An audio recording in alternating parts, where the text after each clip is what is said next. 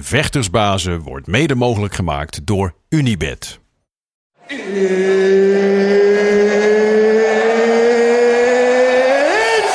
time! The greatest of all time, ladies and gentlemen, John Jones! Where I come from, you know, people like that get slapped.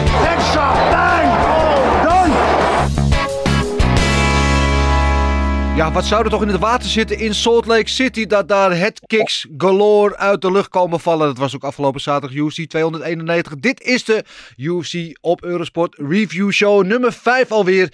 Waarin we natuurlijk uitgebreid gaan terugblikken op die monumentale pay-per-view kaart. Dat mogen we toch wel zeggen, die UFC 291 was. En dat gaan we doen natuurlijk zoals altijd en vertrouwd in de studio hier met de enige echte, de Hurricane, Gilbert Eiffel. Goedemorgen. Goedemorgen. Goedemorgen, goed dat je er bent. Eh, we gaan ook, jij was bij ons in de studio afgelopen zaterdag, dus eh, je kan er van alles over zeggen. Eh, we gaan zo even schakelen ook met eh, de skyscraper Stefan Struve over de main event en de co-main event. We hebben natuurlijk Big Masters Hot Take, die komt later in de uitzending voorbij. En we gaan straks even skypen met Nederlands trots Janno Ernst, die na een periode van lang blessure leed, eindelijk weer zijn rentree gaat maken in de octagon op 26 augustus in Singapore tegen Sungwoo Choi. Dus een lekker volle show weer. Maar ik zou zeggen, laten we gelijk in de materie duiken. En natuurlijk ook eh, meteen Stefan Struve introduceren. Eh, die man heeft geen introductie nodig, want iedereen weet natuurlijk wie hij is. Maar laten we hem gelijk eh, erbij halen. Stefan, goedemorgen. Goedemorgen, mannen. Goedemorgen, Goedemorgen. Eh, jij was niet bij ons in de studio afgelopen zaterdag. Jij was eh, commentator bij Cage Warriors eerder op de avond. Hoe was dat trouwens? Ehm, ja, Cage Warriors is altijd leuk. Echt heel veel talent. Eh, nu eh, main event in de flyweight divisie. Echt, eh, ja, om dat bij te houden met je commentaar was, eh, was lastig. Dat Ja. ging echt zo snel. Echt een fantastische partij. Dus eh, ze waren in Rome. Heel leuk evenement weer. En ehm, Gilbert was, eh, wat is het? Vorige, ja, vorige week hè? Ja. Londen? Ja. Die was, die was ook fantastisch volgens mij hè? Echt, Ja, eh, superleuk. Zo'n Ja. beetje iedere partij een finish. Ja, absoluut. Ja, eh, ging snel. Razendsnel. Fantastisch, ja. Ja, ja mooi. En eh shout-out ook naar eh, Daan Duis, hè, die daar ook in actie kwam. met een goede TKO-overwinning. een goede overwinning haalde. Dus dat ook gezegd hebben, een beetje Nederlands succes. Maar we zijn hier natuurlijk te spreken over UFC 291. Net als Cage Warriors afgelopen weekend ook te zien op Discovery Plus. Laten we dat even voorop stellen. Hebben we dat gelijk eh, afgehandeld. Ehm, ja, Gilbert, wij zaten in de studio daar. Het was echt een fantastische kaart, hè? Ja, dit was geweldig. Het eh, nou ja, allemaal finishen op één, eh, op, eh, Ja, mij één op- decision. Alleen Blachowicz tegen Pereira was een, eh, was een beslissing. De rest waren het eigenlijk allemaal finishen. Ook Ja, in de en prelims in de het prelims al- één ook. na allemaal... op- ja, precies. Ja. Nou, geweldig.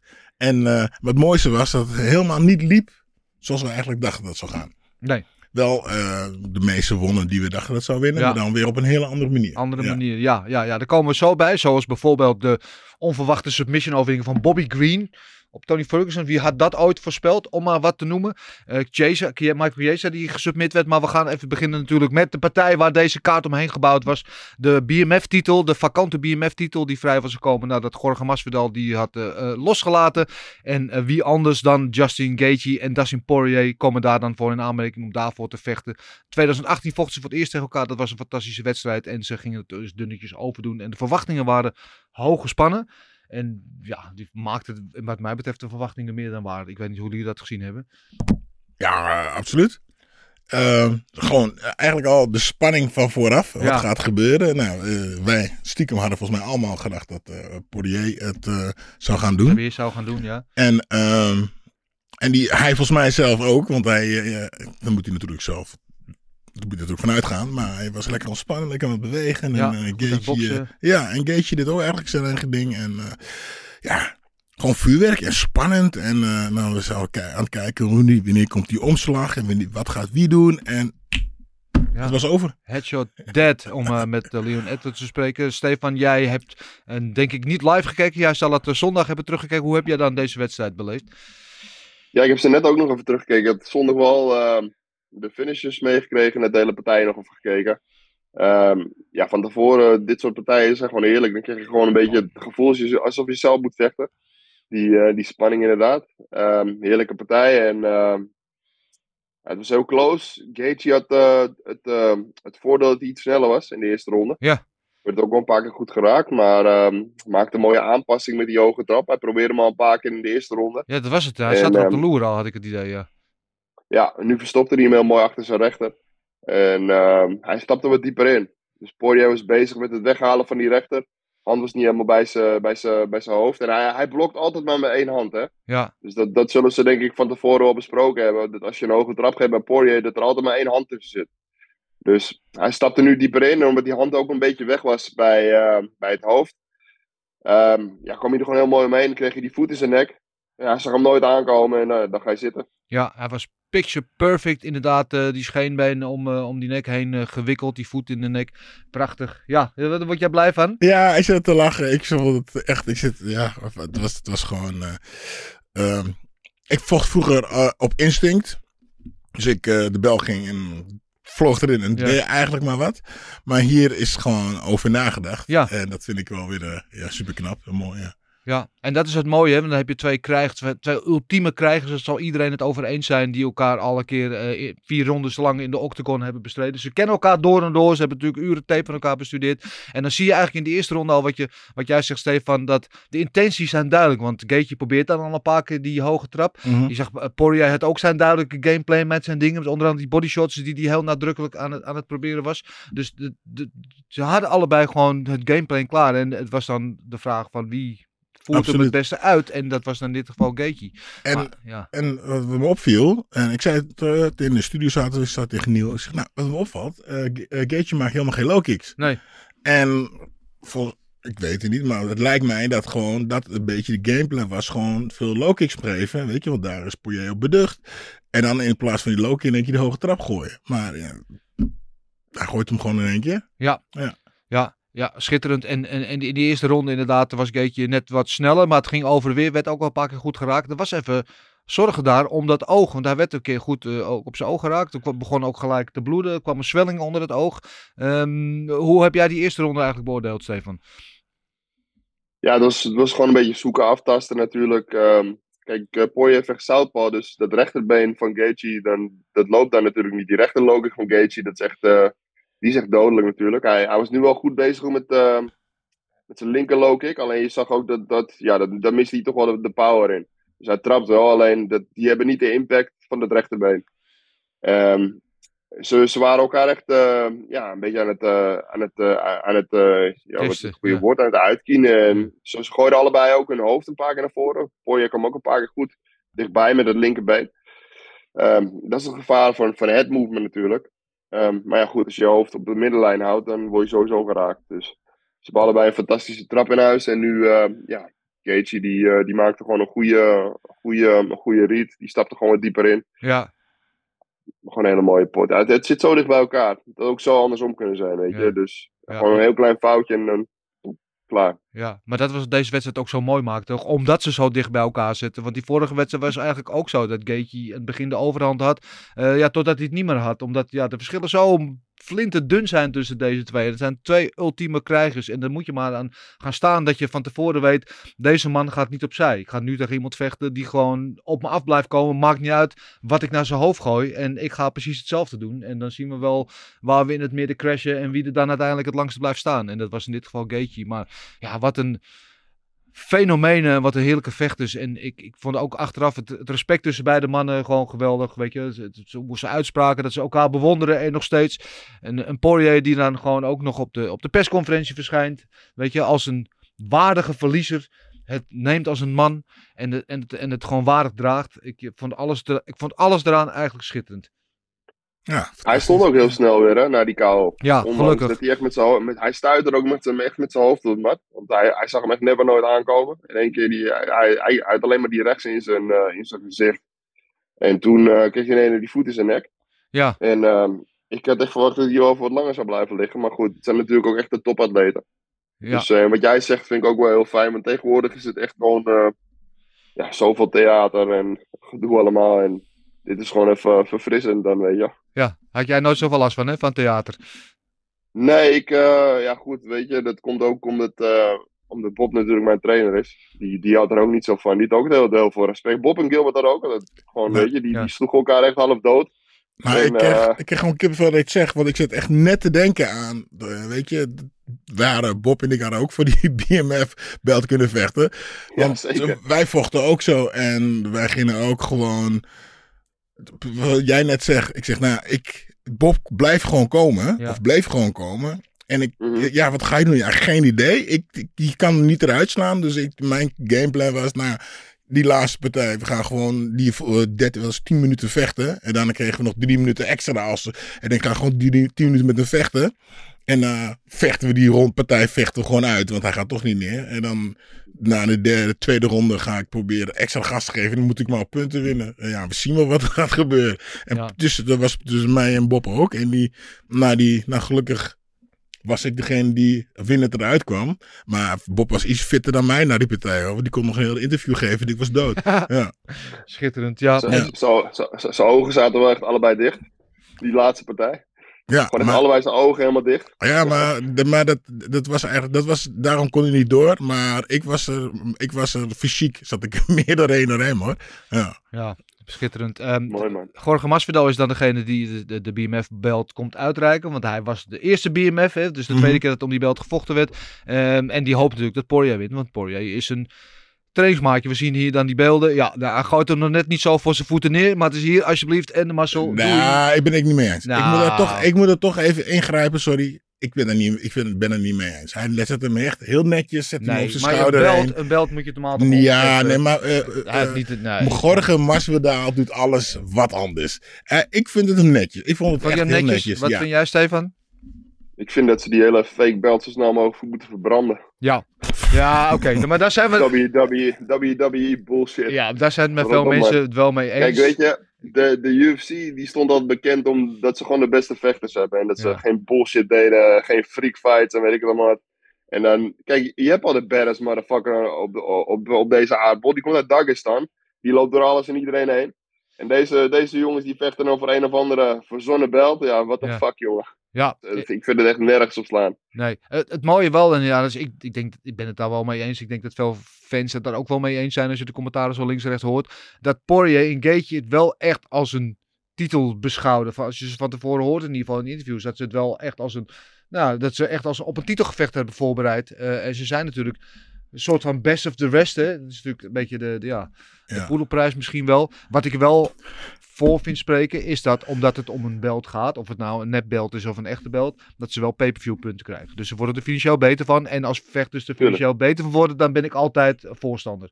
Ik denk misschien ook dat de UFC dit een beetje heeft gedaan omdat niet alle kampioenen er spectaculaire vechters zijn. Nee. Weet je, ze zijn wel de allerbeste, maar ze zijn niet echt spectaculair. En hun zijn wel spectaculair. En Jorge Masvidal was spectaculair, eh, spectaculair. En Nate Diaz was spectaculair. Dus ik denk een beetje dat ze Ja. daarom een beetje van, weet je, van ja, Ja. we willen ook weer knallers willen we zien. En ik denk dat ze dat er een beetje die mensen daarmee willen belonen. hypen, ja. Ja. Maar deze mensen hebben geen belt nodig, want Poirier en Gage zijn sowieso vinden de meeste mensen wel bad motherfuckers. En van de meeste mensen ook wel eh, in ieder geval in, hoog in het lijstje van de, van de favoriete vechters. Gage natuurlijk met zijn signature salto van de kooi af, achteraf. ehm, en vroeg daarna om een titelgevecht. En dat lijkt me ook de logische stap. Hè? We hebben straks in oktober in Abu Dhabi natuurlijk de rematch tussen Makachev en Oliveira. En dan lijkt mij toch dat Gage de volgende is. Zijn we het daarmee eens? Ja, dat is een hele simpele som nu. eh, benieuwd, benieuwd Darius uit, eh, uit de picture is wat dat betreft. Ja. Dat is gewoon, eh, ja, makkelijker kan eigenlijk niet. Nee, toch? Ze, ze, moeten ook, ja. ze moeten het Sarukian even een keer een, eh, een echte grote naam gaan geven. Ja, nee, maar omdat heel veel kritiek net- is altijd dat we in, in die top 5 een beetje steeds dezelfde namen hergebruiken. En dat het dan weer Gage Ja. en Poirier- mensen en Oliveira voor de titel vechten. Maar goed, als je op zo'n manier wint, als je de, de nummer 2 en 3 en je slaat de nummer 2 op deze manier eh, KO, dan heb je het toch meer dan verdiend. Ja, Ja, nee, absoluut. Sorry. Sorry, Stefan, zeg maar. Ja, nee, ik wou zeggen, kijk, Poirier zegt ook dat, eh, dat hij eigenlijk geen zin heeft om tegen opkomende namen te staan, weet je. Dat, ja. ik, eh, wat dat betreft, wel respect voor Gaethje, die staat tegen Viziev natuurlijk afgelopen maart in, in Londen. Ja, En eh, die, eh, die wint die partij gewoon overduidelijk. Alleen, eh, het is, het is ook gewoon tijd voor nieuw bloed. Ja. Makachev, die kreeg ook een hele tijd niet de kans. Ook verschillende redenen natuurlijk. Maar Sarukian is ook zo iemand die wel mee zou kunnen draaien, denk ik. Alleen, die verdient dan ook een grote naam. Alleen, Ja. ze zeggen allemaal nee. Dus ze willen allemaal dit soort partijen. En snap ik ook, want ja, goed. Ze, ze, zo Poirier als Gaethje, die, die hebben waarschijnlijk niet heel veel partijen meer over. In hun, in hun mars. Nee. En eh, daar willen ze het meeste van maken. En die, die partij van afgelopen weekend betaalt hun natuurlijk verder het meest. ja. Ja, wie, hoe de fuck is Tsaroukian? Ik snap het wel. Alleen, goed, er zijn ook andere belangen. En voor de UFC is het natuurlijk belangrijk dat als hun op een gegeven moment klaar zijn, dat ze weer een nieuwe challenger bestaan. En ik denk dat Sarukian zo iemand is. Ja, uh, Sarukian en Poirier zouden wat dat betreft perfecte danspartners kunnen zijn als je het hebt over hem aan een grote naam koppelen. Alleen Poirier heeft gezegd, ik wil niet tegen die opkomende contenders meer vechten. Ik wil alleen maar gewoon grote gevechten nog hebben in de nadagen van zijn carrière. En dat kan je hem ergens ook niet kwalijk, kwalijk nemen, toch? Ja, ja. Nou, ik, ik snap het, maar weet je, het streven is toch om de allerbeste te zijn. Ik heb toch elke keer nou, ja, en ja, dat is dus het probleem. Dat zijn ze dus net niet meer. Dan moeten we nog maar zien of Gaethje die titel krijgt. Of voor de titel mag vechten. En dan kan ze zich bewijzen. Maar ze zitten echt steeds netter onderaan. Ja. maar is, ik vind Gaethje en Poirier vind ik allebei vechters die op een gegeven moment de titeldrang ontstijgen. Die niet meer per se voor een belt hoeven te vechten. Waar je toch wel graag naar kijkt. Het zijn gewoon vechters die bij iedereen uh, goed vallen. Weet je, die iedereen graag ziet vechten. Het is altijd spektakel. Komen altijd op de knokken. En het maakt niet uit of ze voor een belt vechten of niet. Want je weet waar je voor in bent. Je weet waar ze voor komen. Je weet wat ze gaan doen. Dus zij hoeven... Dus, dat snap ik. Maar dan, ja, dan zou je toch tegen die nieuwe gastjes op moeten. Ik zou ja, ja. juist extra, extra tegen die, die jonge gastjes willen vechten, man. Even laten zien hoe het zit. Oké, nou, we, we, gaan het zien. In ieder geval, Gaethje is in ieder geval in lijn om uh, voor de titel te gaan vechten. Dus dat is uh, sowieso duidelijk. Uh, laten we het hebben over de co-main event. Daar waren we ook heel benieuwd naar allemaal. Dat was natuurlijk de oud-kampioen van de divisie, in de light heavyweight divisie, Jan Blachowicz. Die het ging opnemen naar de man die omhoog kwam. En die kwam omhoog vanuit de middelbare divisie, waar hij kampioen was. Verloor uh, de, eerder dit jaar zijn belt aan Adesanya. Dacht ik, ga het een, divisietje hoger proberen. Uh, niet dat hij daarbij een kleine jongen is, want dit is een vrij uh, forse, forse knaap, zeg maar. Alex Pereira is dat natuurlijk. en ik was heel benieuwd naar deze wedstrijd. En um, ja, ik ben benieuwd wat jullie ervan vonden, het verloop van de wedstrijd. En ook naar de uitslag met name. Ah, ja, het partij komt eigenlijk gewoon niet los, hè? Nee. Dat... Um, en uh, Blagovic had het uh, in ronde 2 en 3 uh, conditioneel enorm moeilijk. Ja. En ik denk, want ik heb een keer zo'nzelfde eerste ronde meegemaakt. Hij kwam uh, vrij snel op de rug van Pereira. En toen pakte hij die body triangle. En die body triangle is heel handig, want je kan niet zo makkelijk van die rug afgaan. Nou, je, je verbruikt heel veel statische energie. Dus je knijpt constant met je benen. En dat vraagt heel veel zuurstof, vooral op die hoogte. Ja. Dus hij heeft zijn benen helemaal verzuurd. Ja nog twee rondes moet vechten, je moet licht op je voeten zijn, dan kom je er gewoon weinig aan te pas. En hij moest echt gewoon alles op alles zetten en alles bij elkaar rapen voor die takedowns. En um, ja, ja, het is wel jammer, want uh, het, uh, ja, het, het, kwam gewoon echt niet los, zoals ik net ook al zei, naar mijn nee, mening. Wat ik wel opvallend vond, en dat, dat misschien wat meeste mij is bijgebleven van deze wedstrijd. In de eerste ronde hij krijgt Blachowicz vrij snel en makkelijk eigenlijk die takedown, nadat Pereira hem eerst nog wel verdedigt. Uh, komt hij een paar keer in dominante en gevaarlijke posities met Pereira. Maar dat Pereira eigenlijk wel vrij goed zich weet te verdedigen daar. En uh, ook het einde van de ronde weet uit te zingen. Dat was eigenlijk wel het grootste uh, de takeaway point, zeg maar, in goed Nederlands in deze wedstrijd. Wat ik vooral zeg tegen mijn studenten ook, als je wilt winnen moet je twee keer zo hard werken als je tegenstander. Ja. En dat deed Blakkevic in de eerste anderhalve ronde. En dan Gasty, en dan lijkt uh, Pereira in één keer een stuk beter. Maar die heeft eigenlijk niet heel veel gedaan. Nee. Hij heeft het wel verdedigd, maar heeft niet heel veel gedaan. Maar ik vond Pereira... Uh, hij is die goede staande vechten. Ja. Maar ik vond hem staande niet veel beter dan uh, uh, Blagovic. Zeg je dat goed, Blagovic? Blagovic, ja. Blagovic, ja.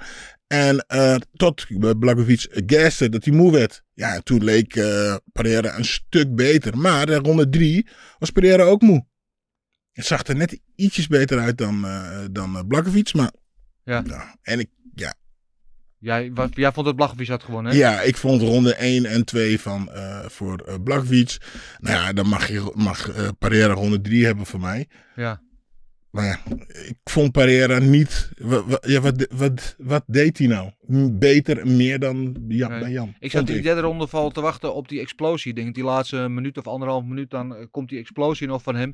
Uh, maar die kwam niet echt. Nee. nee hij, hij, zette wel een beetje aan, maar kwam ja. niet helemaal uh, van de grond. Wat vond jij, Stefan, van, van de beslissing? Kon je daarin vinden? Ja. Of was je net als Gilbert van mening? Ron, ronde 1 is heel duidelijk voor, voor Blagovic natuurlijk. Ik denk dat Pereira de tweede ronde in de laatste minuut gestolen heeft, zeg maar. Is hij wat overtuigender, zette hij uh, Blagovic ook vast tegen het, uh, tegen het hekwerk.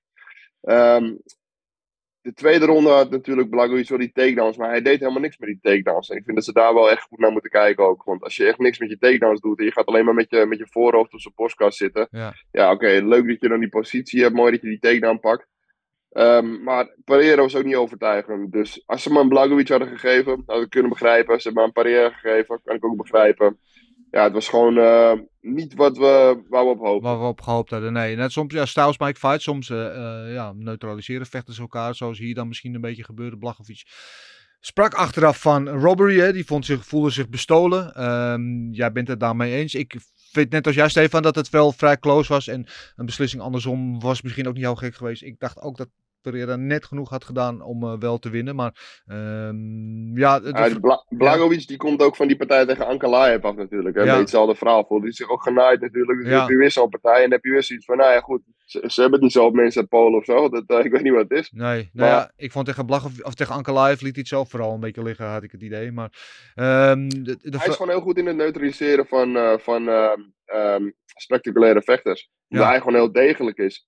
Hij staat gewoon goed. ehm, wat, hij goed is gewoon, wat hij doet is gewoon heel, gewoon heel goed, heel degelijk. Maar het is niet spectaculair. En Pereira kwam het daardoor ook niet echt los. En we hadden natuurlijk eh, die, ehm, die hoogte in Utah.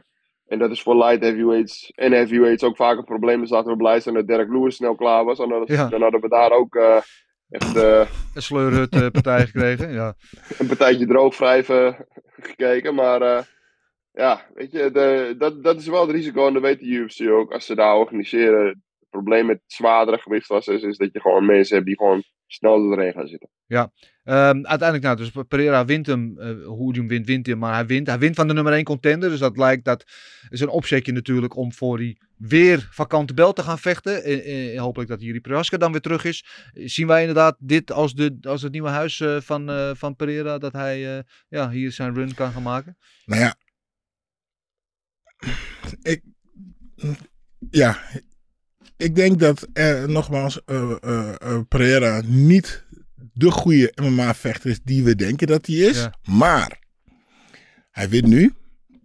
En als ze hem nu voor de titel laten vechten tegen wie dan ook. Ja. Chicken met zijn geluk die nog even winnen ook. En dan, dan, dan kan hij weer of naar beneden of omhoog vechten. En dan is het verhaal wel compleet. Het zou toch fantastisch zijn als hij ook nog eventjes in, eh, in het zwaargewicht eh, mag gaan vechten. En dan zullen ze hem een, een leuke vechter geven. Waarschijnlijk ook een staande waar hij mee kan knokken. En het verhaal wordt gewoon fantastisch. Ja. Ik denk dat de UFC dit een... eh, ja, die zijn vingers hierbij af. Ja, Prohaska tegen Pereira in mijn ogen een partij waar ik inderdaad wel me op zou kunnen verheugen. Stefan, zie jij hem daar inderdaad goede zaken kunnen doen? Ja, hij maakt zeker een goede kans tegen uh, Prohaska. En dat komt ook door, eh, door dat Prohaska type vechter is wat Pereira wel ligt natuurlijk. Gaat niet heel veel voor de takedowns, probeert het staand ook op te lossen. Hij heeft wel van Teixeira gewonnen op submission natuurlijk. Maar we hebben ook gezien dat die die partij heel veel op zijn rug lag. Dus ook tegen Jamal Hill heeft Pereira gewoon een hele goede kans. Ook Jamal Hill is vooral een strijker, niet een hele goede worstelaar. Dus wat dat betreft zijn de kaarten gewoon goed geschud voor Pereira op het moment dat hij nu de UFC binnenkomt. Er zijn Ja. een heleboel vechters met, met wie hij goed matcht. Dus ehm, ja, kijk, zwaargewicht heb je hier geen schijn van kans. Tom Espinal die rolt hem echt binnen een ronde op. Echt Ja, waar. Ja, Die pakt die takedown en die zet hem even eh, echt aan de kant. Dat, dat, dat kan niet echt. Daar heb je echt niks te zoeken. Nee, nee. Nou, het, Mijn zou, mening. het zou wel een verhaal zijn. Na drie partijen middleweight vocht hij daar voor de belt, werd hij kampioen. En nu na één partij op eh, light heavyweight krijgt hij mogelijk dan de kans om voor de titel daar te gaan vechten. En hem daar misschien kampioen te worden. Het zou wel echt een eh, ongelooflijk verhaal zijn als hij dat flikt. Maar goed, dat gaan we allemaal zien wat de toekomst brengt. Eh, Stefan, ik wil jou bedanken voor jouw inzet en eh, voor de gezelligheid uiteraard. Eh, Altijd goed, mannen. we zien jou. eh, jij bent zaterdag eh, weer in de studio bij ons. Als wij eh UFC Yes. Nashville op Discovery Plus uitzenden. Dus daar alvast veel succes en plezier mee. En dan zien we jou weer bij de volgende.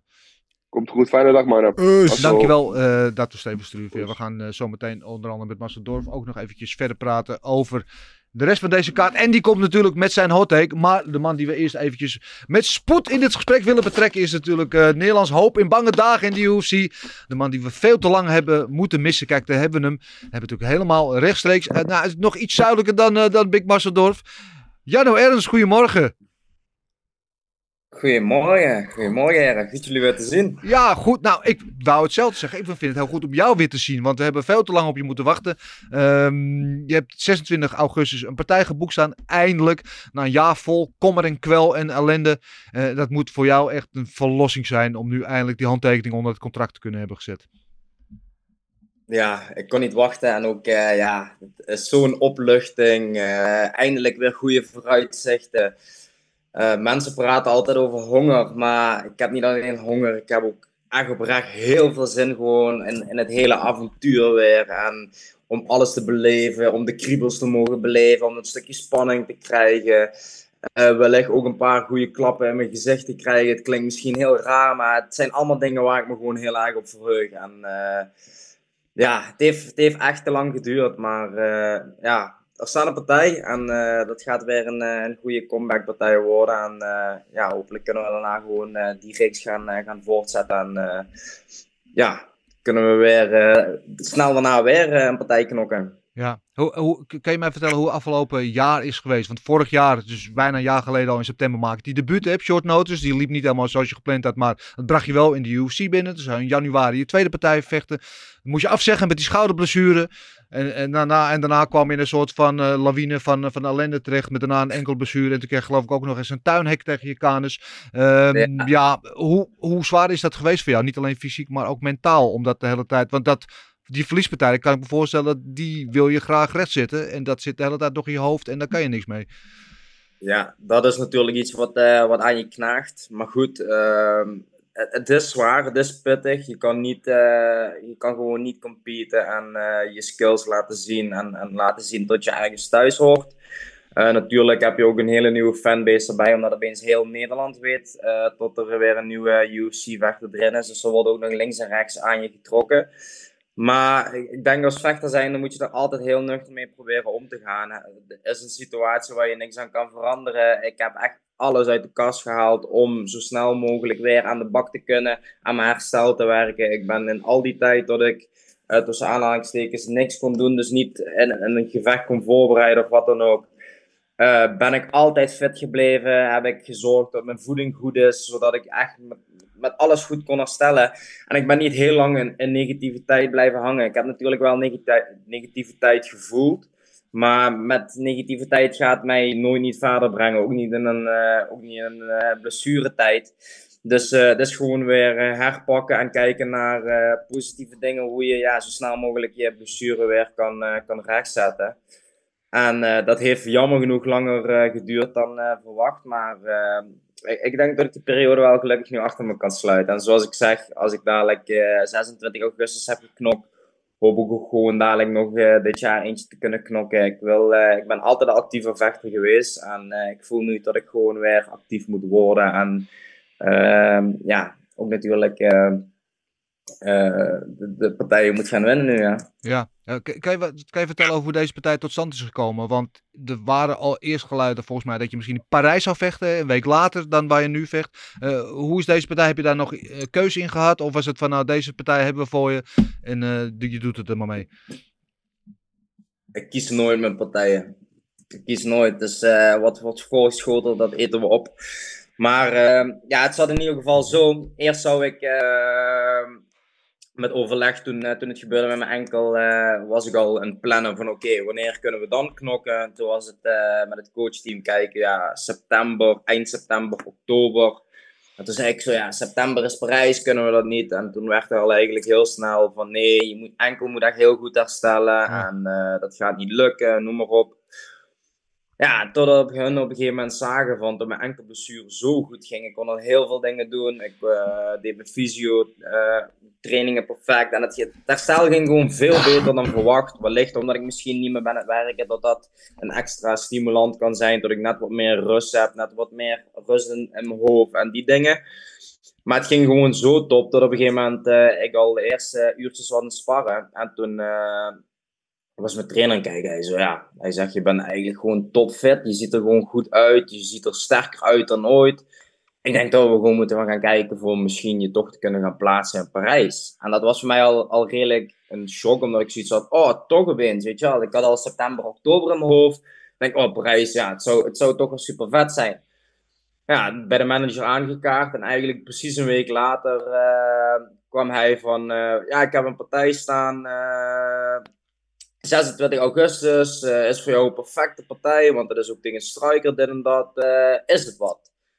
Ja, toen zei ik van, ja, goed. Tuurlijk, eh, vooral het woordje een andere striker, dat, dat bevalt me wel, want dat wordt gewoon een hele, hele vette clash.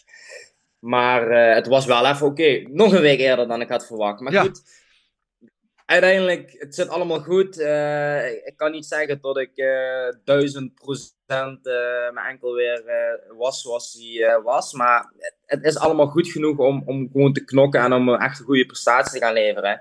En buiten dat, het feit dat nu ben ik al topfit. En laat staan nog over een kleine vier weken hoe het er dan weer bij loopt. Dus ja, ik heb er gewoon super veel zin in. Ja, je vecht tegen Sung Woo Choi, eh, Zuid-Koreaan. Inderdaad, Ja. zelf een striker. Eh laatste drie op rij verloren in de UFC. Dus eh, ja, kat in het nauw maakt vaak rare sprongen. Dus in dat geval maakt het hem misschien wel Ja. gevaarlijk. Want hij vecht voor zijn carrière. Hoe, hoe bekijk je deze wedstrijd en deze tegenstander?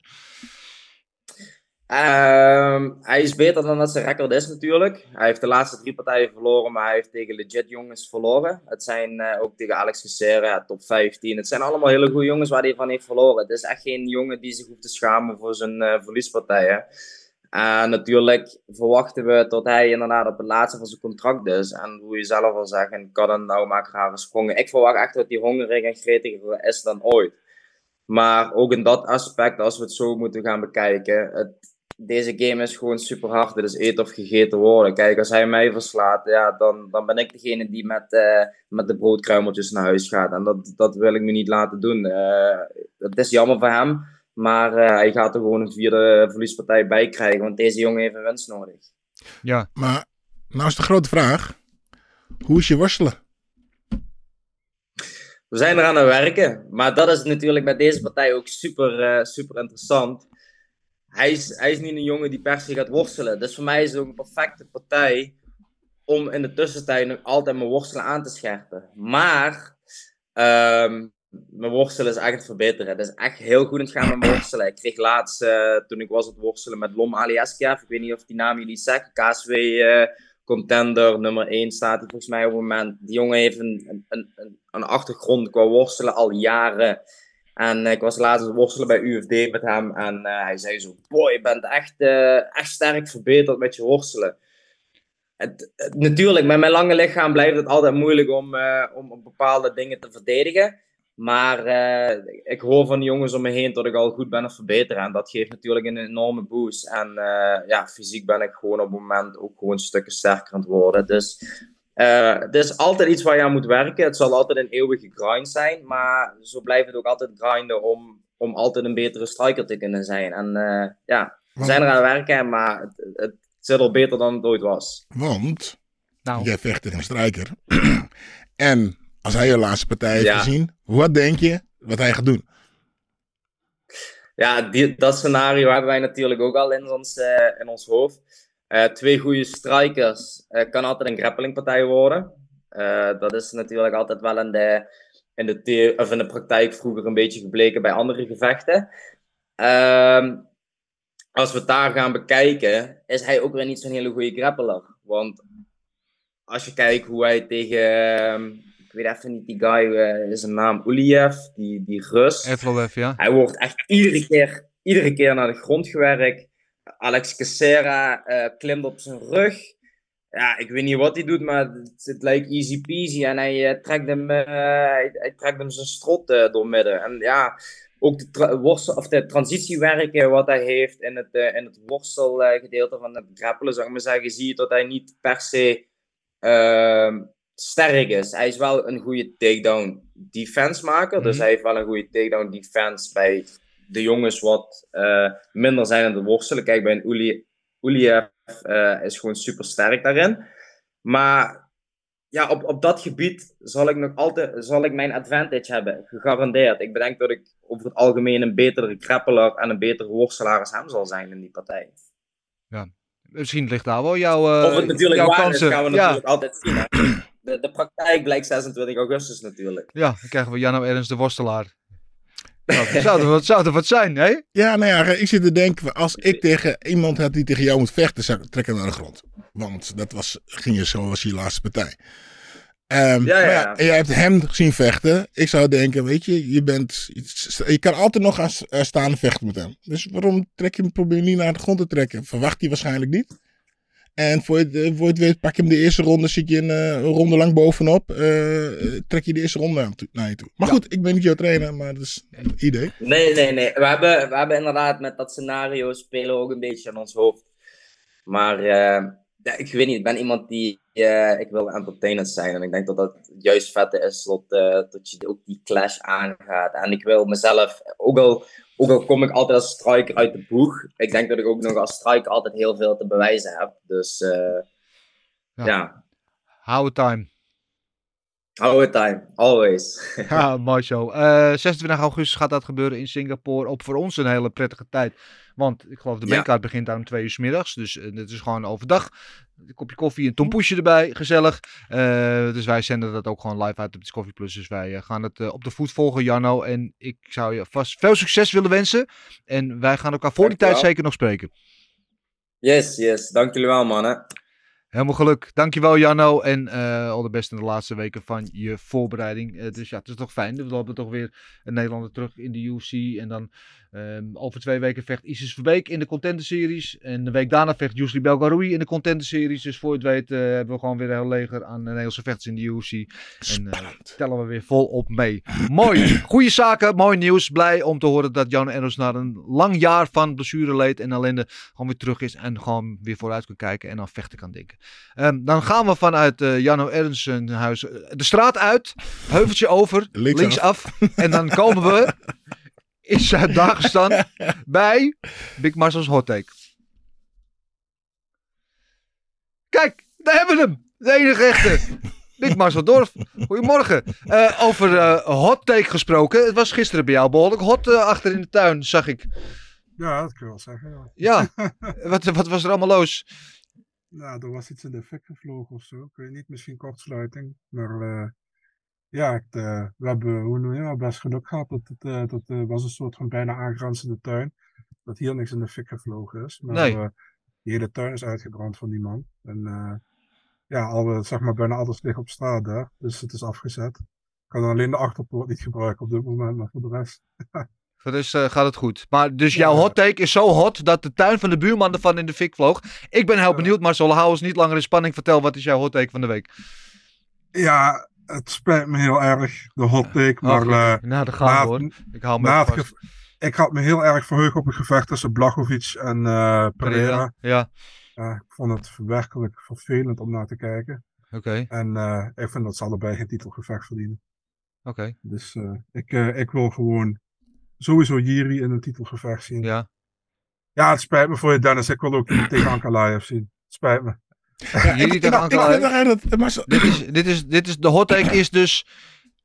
Pereira verdient geen titelgevecht. Nee, absoluut niet. Ja, eigenlijk moeten we het eigenlijk een beetje brengen. Weet je, Marcel's hot take, het eerste was drumroffel, dan Ja. komt hij met zijn hot take. Oké. Of mijn Ehm, hot take nou, bij deze laten we hem gelijk als stelling deponeren voor iedereen die deze aflevering ziet. Laat het even weten in de comments. eh, eens of oneens eh, met Big Mars, Marcel's hot take. Daar ben ik wel benieuwd naar hoe het volk daar dan over denkt. Maar ehm, ja, ik ben er bang van, eh, Marcel. De nummer 1 gerankte was eh Blachowicz. Pereira wint. Die belt is vrij. Jiri zoekt een danspartner. Ja, 1 en 1 is 2, toch? Nee, tuurlijk. Dat is ook zo. Weet je. Maar eh, ah, het, het, het, dat, ge- gewoon puur op dat gevecht kijkende. ehm, ja. Ik, ik- vond, kijk, Blachowicz ging duidelijk, probeerde hem naar de grond te halen. Eerste ronde lukte dat. Tweede ronde lukte het eigenlijk ook vrij goed. Alleen de laatste 30, 40 seconden waren voor Pereira. En op grond van die 40 seconden heeft hij die ronde gekregen van twee van de drie judges volgens mij. En de derde ronde, ja, die, die, die, die kon je wel aan Pereira geven. Dat alleen Jan in de laatste halve minuut, die takedown. Ja, waar hij ook niks mee deed eigenlijk. Nee, nee, klopt. Maar eh, ja, ik vind sowieso dat de UFC, eh, hoe noem je dat, qua de, de judges de laatste paar maanden, misschien het laatste jaar, eh, veel te veel, eh, of veel te weinig scoren qua grappling. Heel Ja. erg pro-striking is. En heel veel mensen zullen dat heel fijn vinden. Ik vind het MMA en het moet allebei gescoord worden. En niet, eh, Nee, maar is, het niet zo, sorry dat ik je in de reden val, is het ja, niet maar. eh, effective grappling wat gescoord moet worden? En zoals in de eerste ronde was Jan eh, effective? gevaarlijk met submission pogingen en effective? dergelijke, maar in de tweede ronde eh, had hij wel takedowns, maar deed hij er verder niet zoveel mee, toch? Nee, maar Pereira deed toch ook geen kut? Nee. Dus wat is effectief? Weet je, wat- snap je wat ik bedoel? Kijk, bijvoorbeeld als je kijkt naar Sterling tegen Piotr Jan, die tweede partij. Kijk, Sterling doet, doet ook gra- veel grappling. En dat vond ik ook terecht dat hij die rondes kreeg, Mhm. weet je. En dan is het ook effectief, want de tegenstander doet niks. En nu doet eh, Pereira nou, de laatste 30 seconden in de tweede minuut, ronde. ja. Dit, doet hij wel. En dat is genoeg om 4,5 minuut uit te Ja. Ik weet niet of dat zo is. Nou ja, en in die minuut, het is iets langer dan 30 seconden, ik verbeter Ja, je al 40 eventjes, vind je vast niet seconden erg. Maar in die, in die minuut, zeg maar, dat hij dan op de voeten eh, Jan in zijn achteruit zette, sloeg je hem wel bijna eruit. Dus dan beslist hij daar wel bijna de wedstrijd. En dat is wat Jan in de rest van die ronde niet heeft gedaan, toch? Ja, nee, ja, ik, ik zie het absoluut niet zo. Ja, sorry. Ik, nou ja, goed. Ik, ik heb maar al gezegd wat ik daarover vind. Dus. Oké, maar even los van alles, hè. Ik bedoel, eh, we kunnen hier lang over wikken en wegen. We hebben het net met Stefan ook al over gehad. De meningen verschillen. Dat geeft alleen maar aan dat de partij misschien niet fantastisch was, maar wel heel close was. Maar het feit is wel, uiteindelijk Pereira heeft gewonnen. Dus zal waarschijnlijk dat titelgevecht krijgen. Op papier is Pereira tegen Prohaska is toch een fantastische wedstrijd? Toch? Blijft heel stil in, in Zuid-Dagestan. Even Google Translate. Hij zei. op papier. Ja, ik hoor je niet, man. oké. Oh. Nou, eh, maar eventjes dan, dan met je aan jou. Wacht even tot Marcel misschien eh, weer eh, in de lucht kan, dat hij ons kan horen. Pereira tegen... eh, is toch een geweldige wedstrijd? Ja, Twee staande absoluut. gasten. Ja. En nou roet ik natuurlijk voor Pereira. Ja, maar het is ook... Kijk, eh, Marcel die, kan, die hoort dus niet, maar... Die, hij, de BMF vindt hij ook niks. En ben ik, oh, je hoort dus wel. Maar ehm je bent nooit zo van de verhaallijnen. Jij vindt het beste moet tegen de beste vechten op het beste moment. Bla, bla. Maar Pereira en eh Teixeira, Teixeira wil ik zeggen, eh, Prohaska, hij heeft natuurlijk die geschiedenis met Teixeira. Wat natuurlijk de, de, de, de, de, van- is van, van Pereira. Dus dan heb je weer die verhaallijn. Die hadden we ook met Jamal Hill gehad natuurlijk. Maar die hebben we ook met Prohaska. Dus ik vind het wel geweldig als hij dan nu voor zijn meester of voor zijn leraar of voor zijn tracepaar, hoe je het ook wil noemen, daar dan eh, op zoek gaat naar vergelding. Dat is toch mooi? Ik hou van dat soort dingen. Je mag praten, maar zo. Ik vind, eh, ik vind gewoon dat de beste tegen elkaar moet vechten. Ja. De beste is Prohaska op dit moment. Ja. En op één na beste vind ik Ankalaev. Dus die twee moeten wat mij betreft tegen elkaar vechten. En Pereira heeft, is een geweldige vechter. Maar heeft op grond van deze partij, wat mij betreft, na één partij op light heavyweight, geen titels, titelgevecht Nee, verdiend. vind wat- ik. Ja, dit, was, dit was niet super overtuigend. Ehm, hij heeft gewonnen. Had allebei de kant op kunnen vallen, wat mij betreft. Maar eh, ja, niet overtuigend voor mij genoeg. Weet je. En eh, kijk, Ankalaev gaat hem ook niet krijgen, want die gaat in oktober in Abu Dhabi vechten. En die heeft Dus, verloren ja. van Jan. Nou, Of niet verloren was, was onbeslist, maar was natuurlijk wel een hele lauwe wedstrijd. En ik heb het idee dat hij daar ook een beetje krediet verspeeld heeft eh, bij de UFC. Dat het natuurlijk ja, dat het niet echt om over naar huis te schrijven was. Ja, nou, pas op. Ja, maar ja, komen, dit was ook een vriendje. wedstrijd. Wat? Wat zei je, Marcel? Oké, Marcel is heel even Is weg, boos, komt, Marcel eh, is zo boos. weer terug. In elk geval, de hot take van Marcel is... Pereira verdient geen titelgevecht. Ik eh, ben benieuwd wat jullie daarvan vinden. Laat het even weten in de comments. Eens of oneens. En dan kunnen we een beetje een beeld daarvan vormen. Ehm, ik snap wel wat hij zegt, maar ik ben wel heel geïntegreerd door die wedstrijd tussen Prohaska en, eh, en, eh, en Pereira. Ik denk dat dat een geweldige wedstrijd kan zijn. En die belt is natuurlijk in die divisie nu twee keer achter elkaar vakant gemaakt. Of eigenlijk drie keren, want John Jones was de eerste die hem vrij maakte. En toen eh, kwam hij in handen van, uiteindelijk van Praska, die werd geblesseerd. Die, eh, die, weet je, en toen kwam hij in handen van Jamal Hill. En, Die nou, dus, geblesseerd. ja, dus die visie moet vooruit. En eh, hoe dat dan ook zei, ik moet gewoon een nieuwe kampioen worden. En ik denk dat Pereira tegen Prohaska gewoon een leuke wedstrijd is. Dus ik kan me daar als fan in ieder geval wel op verheugen. Goed, eh, Marcel, dank je voor jouw hot take. Eh, wat vond je overigens van de rest van de avond, los van die partij? Ja, was eigenlijk de enige partij wat niet spectaculair was volgens Ja. mij op de maincard. Gelukkig, Ehm, ik denk, nou, nou komt er weer auto's. Maar ik Nee, vond de rest wel leuk, net als wij. Ja, ja ik, heb, wel- ik heb me wel vermaakt. Ik vond vooral, eh, even kijken. Eh, ja, main event hebben we het over gehad. Dat, dat, dat sprak voor zich.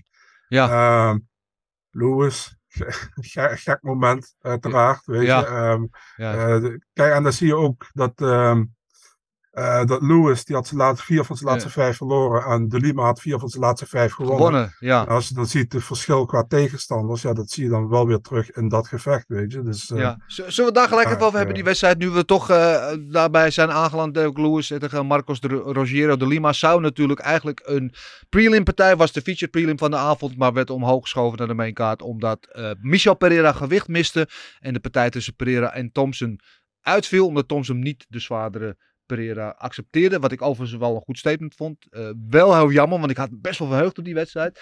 Maar goed, daardoor stond eh, Derek Lewis opeens op de maincard. Iets wat hij eigenlijk jarenlang gewend was. Was dan, kijk, en dan komt er gewoon vanaf de bel met een vliegende knie. Sixpack Lewis met de jumping knee en doken bovenop. En eh, de scheidsrechter stapte terecht daar, eh, vind ik eh, vrij snel in. Maar dit had denk ik niemand verwacht op deze manier. Wel, Nee, absoluut niet. Ik zag het niet eens. Nee. Ik hoorde in één keer een nieuw in mijn oor schreeuwen. En, ik, en, tala- en kijk, En toen zag ik dit. Ja. En eh, ja, maar die gesprongen knie, ja, fantastisch. Zo uit het boekje. En eh, ja, de Lima, die zag hem nooit aankomen natuurlijk. Nee. Ja, en eh, ja, die was zo overrompeld. Die is gewoon, hier doet hij, nou ja, zo vaak wordt hij niet geraakt. Maar hij is gewoon klaar. Hij geeft Ja. het op. En ik, nou, hij is wel goed. Ja.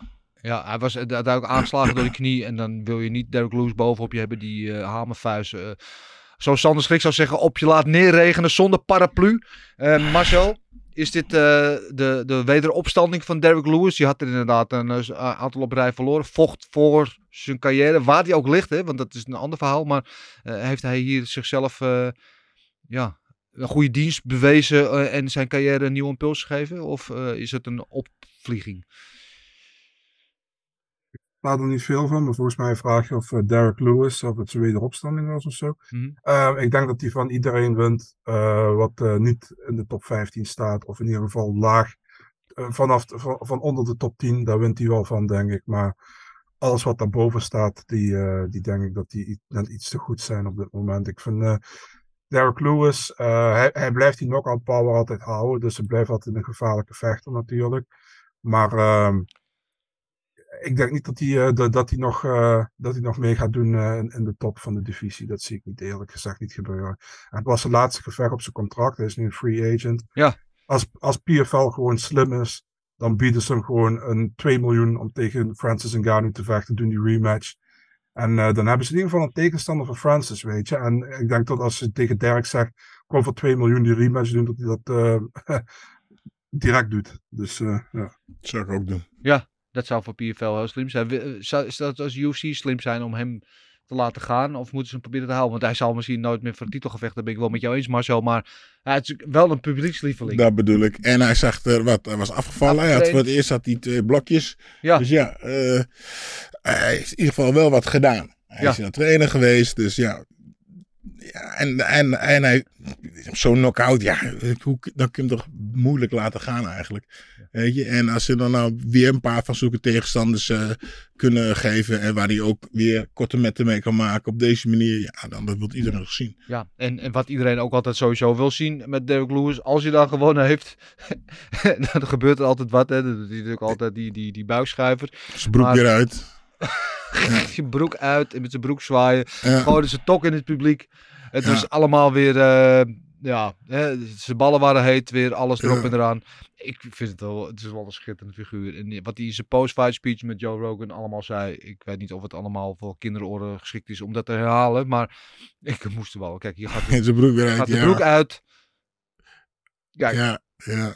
Zo dans jij toch ook altijd als je gewonnen had, eh, Gilbert? Ja, ja, ik, ik weet van wie Lewis dat heeft, de Dat broek uittrekken. En dat, ja. dat deed ik ook een keertje. Ja? Vocht tegen, tegen Valentijn volgens mij. Echt waar, toen Ja, ja, toen trok mijn broek uit, ja. Oké. Ja, En waarom was dat? Omdat je er zin in had. ja, nou ja, goed. Mijn broek zat strak. Oké, ja, zijn ballen waren heet, jouw broek Ja. zat strak. Ja, dat ligt een beetje bij elkaar in het verlengd natuurlijk. Eh, Oké, nee, ik ben benieuwd. Eh, wat weet hij eigenlijk? Want hij is echt free agent, want normaal gesproken Marcel, als contract afloopt, dan is er een soort van periode waarin eh, eerst UFC zijn vorige werkgever de kans heeft om nog te onderhandelen. Voordat hij echt vrij wordt gegeven, is, is die periode al verlopen? Is hij echt nu echt, free, ja, echt vrij? Ja, meestal als je dinges eh, uit een contract vecht, dan heb je nog eh, 60 of 90 dagen uh, moet, je, moet je wachten voordat je met een andere organisatie kan praten. En daarna kun je kijken of ze het, hoe noem je dat, als ze een nieuw contract aangeboden krijgt, of de UFC dat wil matchen. Maar ja, ik kan je nu al vertellen, als PFL een 2 miljoen biedt, dat gaat de UFC niet matchen. Dus um, ja, ik ben benieuwd wat ze, gaan, wat, wat ze gaan doen. Niemand wist ook volgens mij dat het zijn laatste partij was. Nee. Hij zei dat uh, na dat, hij zei in het interview na afloop van uh, dat was mijn uh, laatste op mijn contract, ben nu free agent. Dus misschien hoopt hij er zelf wel op, weet je. Want ik denk, als je, ik denk dat als hij al had willen verlengen bij de UFC, had hij dat misschien al gedaan. Maar ja, aan de ene kant ook, hij had zijn laatste paar partijen niet echt fantastische, fantastische resultaten gehaald. Dus misschien heeft hij gedacht van, ik ga hier nou een uitroepteken zetten achter uh, hoe ik het ga doen. En uh, dan heb ik meer leverage. En uh, dat heeft hij waarschijnlijk nu wel weer. Dus ja, ja, misschien een slimme zet van hem. Ja, dit is de beste contractonderhandeling die je kan doen op zo'n moment. Inderdaad, gewoon iemand het licht uit zijn ogen slaan. ik ben benieuwd. Ik ben sowieso altijd fan van Dale Lewis. Zal altijd een, een favoriet van me blijven. Al is het alleen maar op zijn persoonlijkheid. De Black Beast. verderop op die kaart hadden we nog daarvoor twee echte OG's van de lightweight divisie. Mannen die al alles gezien en gedaan hebben. Tegen iedereen gestaan hebben. Die stonden nu tegenover elkaar. Bobby Green heb ik het toch over. Bobby King En uh, El Kukui. Tony Ferguson. Uh, Tony Ferguson had er vijf op rij verloren. Dus die vocht echt letterlijk voor zijn UFC-carrière. Um, zat niet per se heel slecht in de wedstrijd. Raakte Green ook wel een paar keer goed. Uh, maar ik vond wel dat Green eigenlijk de hele partij wel het betere van het boksen had. Ja, um, voor Tony uh, uh, shoot een gegeven moment. En toen had hij Bobby bijna. En toen die, die de volgende twee, drie minuten wist Bobby even niet wat hij moest doen. Ja. Werd het een staan of werd het een grondgevecht. Daardoor kon Tony hem een paar keer raken. Maar vanaf ronde twee nam Bobby het over. En was Tony die een beetje achter de feiten aanliep. Ja. Alles probeerde, maar hij kwam gewoon niet uit de startblokken verder. En ja, en dan wordt hij gepakt op het, op het dingetje waar hij eigenlijk partij op, op zou Ja. kunnen winnen. Op Ja. de grond. Dat vond ik, ik vond het heel significant dat op een gegeven moment Ferguson op zijn rug lag en Bobby Green in zijn guard zat. Dat hij daar eigenlijk heel comfortabel was en daar gewoon eh, met ground and pound het, het beter van het spel had. En Ferguson er eigenlijk niet, ja, geen grip op kon krijgen. En eh, dat vervolgens eh, Bobby Green met submission won. Ik denk dat niemand dat in zijn stoutste dromen had voorspeld in deze wedstrijd. Maar het, het was wel, je, zag, je zag gewoon, het, je zag gewoon het, Bobby wat is bijna aan de grond getrokken en ging daar verdedigen. Hij kwam uiteindelijk wel op de grond en, Ja. zag, en zag dat hij daar, oh, Ja. ik wil maar die bank zijn Nee. hier. En ja, dat is natuurlijk het mooie van die partij. Dat hij daarna gewoon met hem naar de grond gaat. En denkt, nou, weet je, kijk eens zien wat ik hier kan doen. En eh, hij maakt hem gewoon af. Ik vond het wel hartstikke mooi. Ja, ik eh, vond het ook eh, wel mooi om te zien. En ondertussen, volgens mij, wordt er nog verbinding gemaakt met Marcel Dorf. Misschien dat die brand in de tuin gisteren een internetkabel in de Zuid-Dagestan heeft doorgebrand. We hopen die verbinding eh, zo snel mogelijk te herstellen. In elk geval, ja, goede overwinning voor Bobby Green en voor Tony Ferguson. Nu zes op rij verloren. Moet je toch wel een beetje vrezen dat dit het einde is. Ja, ja nou, het probleem is, want hij zag er helemaal niet slecht Nee. uit. Nee, maar hij verliest wel. En dat was Ja. de vorige wedstrijd toch ook tegen Chandler. Sloeg hij Chandler neer in de eerste ronde. Eh, en vervolgens kreeg hij natuurlijk een, eh, een voet eh, dwars door zijn hoofd heen Oh ja. ge- ge- geplaatst. En nu ook weer zag hij het begin niet slecht uit. Maar uiteindelijk ligt hij wel weer op zijn rug en moet hij aftikken. Nou, geslapen zelfs, of niet? Ja, hij werd uitgechoked. ja, Ja, ja, ja, ja. ja. Ehm, ja, Ja, en, eh, en ik, ik ben het Ferguson altijd... Weet je, hij was op een gegeven moment, had hij die twaalf partijen op rij gewonnen. Vocht voor de interim belt, waar hij verloor van, van Gaethje. Eh, en die partij die iedereen al jaren wilde zien was Ferguson tegen Khabib. En dat gebeurde maar niet, want het was Khabib weer gebaseerd. En toen strijkelde Ferguson over de kabel. En er rustte echt een vloek op die partij. En eh, ja, toen de tijd dat het allemaal opgelost was, toen was hij eigenlijk al over zijn momentum heen en zijn piek voorbij. En, eh, en nu heeft hij na 12 op rij gewonnen, heeft hij nu 6 op rij verloren. Het is wel een van de meest schrijnende verhalen, vind ik, in de recente MMA-geschiedenis. Met een vechter die zo goed is, waarvan we nooit zullen weten. Hoe was dat nou gegaan in de partij met Khabib? Dat is de vraag die ons altijd zal blijven bezighouden. En, eh, maar we gaan het nooit meer achterkomen. Helaas. Ja. Eh, helaas, eh pindakaas. Ehm, ondertussen zie ik eh, Marcel Dorf weer in het beeld verschijnen. Marcel, we hadden het eventjes over Tony Ferguson. En natuurlijk zijn ongelofelijke run van 12 eh, winstpartijen op rij. waar die, nadat die partij tegen Gebied nooit kwam. En vervolgens nu 6 op verloren. En je moet je afvragen dat dit nu toch wel het einde zou kunnen gaan betekenen van zijn UFC-teneur. We horen jou niet, eh, Marcel. Proberen daar nog eventjes aan te werken. Hallo, hallo. Ja, nu horen we jou wel. Eh, ik denk dat dat al zo, had moeten zijn, man. Maar eh, ik heb het idee dat Tony ook niet echt mensen om zich heen heeft die tegen hem zeggen van... misschien Ja. beter van niet, weet je. Ehm, maar ja... Ik, kijk, Tony zei nog tijdens de mediadag volgens mij van... ik heb nog een paar gevechten nodig om weer voor een titel te mogen vechten. Ja. Ja, kijk, als, jij niemand om je heen hebt die tegen je zegt van... Luister man, eh, het is gewoon eigenlijk niet meer verantwoord op dit moment. Weet je? En eh, ja, Nee. ik vind het vervelend voor Tony, want ik, ik, ik heb hem altijd heel graag zien vechten. En eh, ik vind het, een, het is echt een publiekstrekker altijd geweest. En misschien nog altijd wel, maar hij zit te vaak aan de verkeerde kant van de medaille, man. En ja, man, zes keer achter elkaar verliezen. Ik bedoel, als hij zo doorgaat, gaat hij daar een record vestigen dat hij, dat, dat hij de meeste eh achtereenvolgende verliezen heeft van Ja. allemaal. En eh, dat, daar is hij gewoon te goed voor. En daar heeft hij te veel voor betekend, vind ik. En eh, ja, ik, ik zou de, kijk, ik ben nie- niemand, voor niemand voor om voor een retirement te praten of voor een pensioen te praten. Maar ja, dit wil je ook niet zien, man. Nee. En ik heb alleen de vrees dat als de UFC bijvoorbeeld zou zeggen van nee, eh, het is klaar, we gaan niet meer van beetje verder, dat hij bijvoorbeeld bij een bare knuckle gaat tekenen. Ik denk ook niet dat dat verstandig is. Dus eh, Nee, dat Ja. lijkt me ook niet verstandig. Eh, het rare is dat je toch ook in die wedstrijd zaterdag wel weer glimpsen ziet van wat hij kan. Weet je, dat hij op momenten wel weer goed uitziet. Maar ik ben het met je eens, hij zou tegen zichzelf in bescherming genomen moeten worden. En die vraag de vragen zal altijd open blijven en onbeantwoord blijven. Wat zou er gebeurd zijn als hij tegen Khabib ooit in de octagon eh, verschenen zou zijn? Maar eh, ja, dat zullen we nooit weten. Goed, eh, er was nog één partij op die mainkaart. De opener van de mainkaart was Michael Chiesa tegen Kevin Holland. Chiesa die ook na een blessure, periode van blessuretijd weer, blessuretijd, van blessures weer zijn opwachting maakte in de octagon tegen de ja, goed bezig zijnde Kevin Holland. Die toch wel steeds meer zijn draai begint te vinden op die 170, eh, op dat 170 gewicht. En hij deed het eigenlijk perfect hè. Ja, dat is uh, easy peasy. Ja, beter op de voeten. En ook waar je misschien Chiesa in zijn rol zou verwachten op de grond. Beter op de grond. En laat hem uiteindelijk eh, vrij simpel toch wel. Ja, en dan kun je zeggen, was Kevin nou zo supergoed of was Ja. eh, Chase nou zo slecht? Want Ja. die kwam gewoon niet Ja, in de maar ik heb het partij. idee hier bij die knie. Dat, daar, eh, dat hij daar behoorlijk veel last van had. Nee, die knie was niet eens raak. Nou, maar hij, nou, nou, Zie je? Dat, zei, dat, wel, dat ja. zei eh, Kevin ook. Die knie was niet eens raak. Want Nee. je ziet hem gewoon shooten. ja. Een soort van paniekshoot bijna. Ja, ja, hij, had het, hij, had al, kijk, hij, hij wil hier eigenlijk al kloppen. Hij had het Ja. al opgegeven. Hij zat, Die zat gewoon niet in de partij. Nee. Maar goed, des dan niet te min. Zeg ik het goed? Ja, dat nou, ja keer keurig, keurig meneer, keurig, keurig, keurig. Eh, ja, de Kevin doet het gewoon eh, fantastisch. Fantastisch. Ja, Hij gewoon, eh, ja, die ik speelde gewoon zijn eigen spelletje. En eh, nam het moment, toen hij het moment daar was, voor die dars. Geweldig. En eh, Kevin Holland, dan denk je, dan heeft hij nu zijn draai gevonden op 170. En dan eh, gaat hij hier eh, misschien wel gewoon een run maken. En wie weet ooit zelfs in de buurt van de titelgevecht komen. En dan komt dat po- post-fight interview.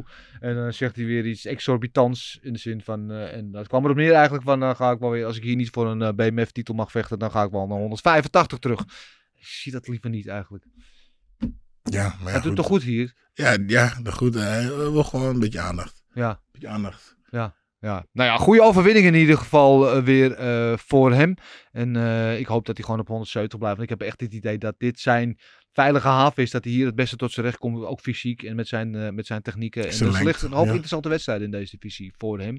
En op 185 zal hij toch altijd wel... wat, een van de kleinere jongens blijven. Dus we gaan zien wat dat oplevert. Ehm, we zijn Marcel weer kwijt. Dat, eh, ja, helaas, de techniek laat ons een beetje in de steek hier. Dat kan gebeuren. Laten we nog eventjes tot slot. Dat waren alle partijen van de mainkaart. De prelims. Er zaten ook een aantal goede partijen in. Ik geloof vijf van de zes partijen al daar. Waren ook allemaal finishes. Eén beslissing maar daartussen. Dus die waren ook zeker de moeite, eh, moeite waard om terug te kijken. Als je dat niet gedaan hebt. Dat kan gewoon op Discovery Plus. Dan wil ik eigenlijk nog tot slot de, de bonussen weten van, van jou. De officiële bonussen van de UFC toegekend waren voor Gaethje en Lewis en Bobby Green. Eh, en Kevin Holland en geen Fighter Tonight. Hm. Dus vier performance bonussen, maar geen eh Fighter Tonight. Ben je het daarmee eens? Dus Eh, eigenlijk ja. alle, alle winnaars van de maincard behalve Pereira.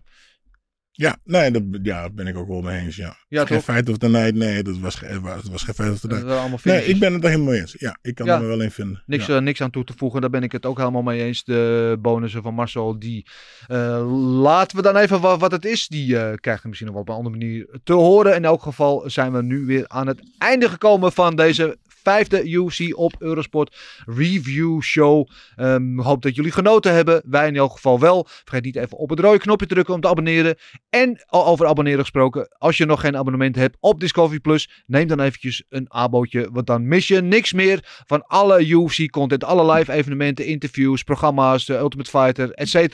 Het is daar allemaal te vinden. En komende zaterdag is er weer een UFC en dan vanuit Nashville. Eh, daar is ook weer een mooie kaart. En van de volgende week beginnen weer de Dana White Contender Series. Ook op Discovery Plus te zien. Eh, voor nu, dat was het. Gilbert, dankjewel. Eh Stefan, Janno, Marcel, allemaal bedankt. Jullie bedankt voor het kijken. En tot de volgende.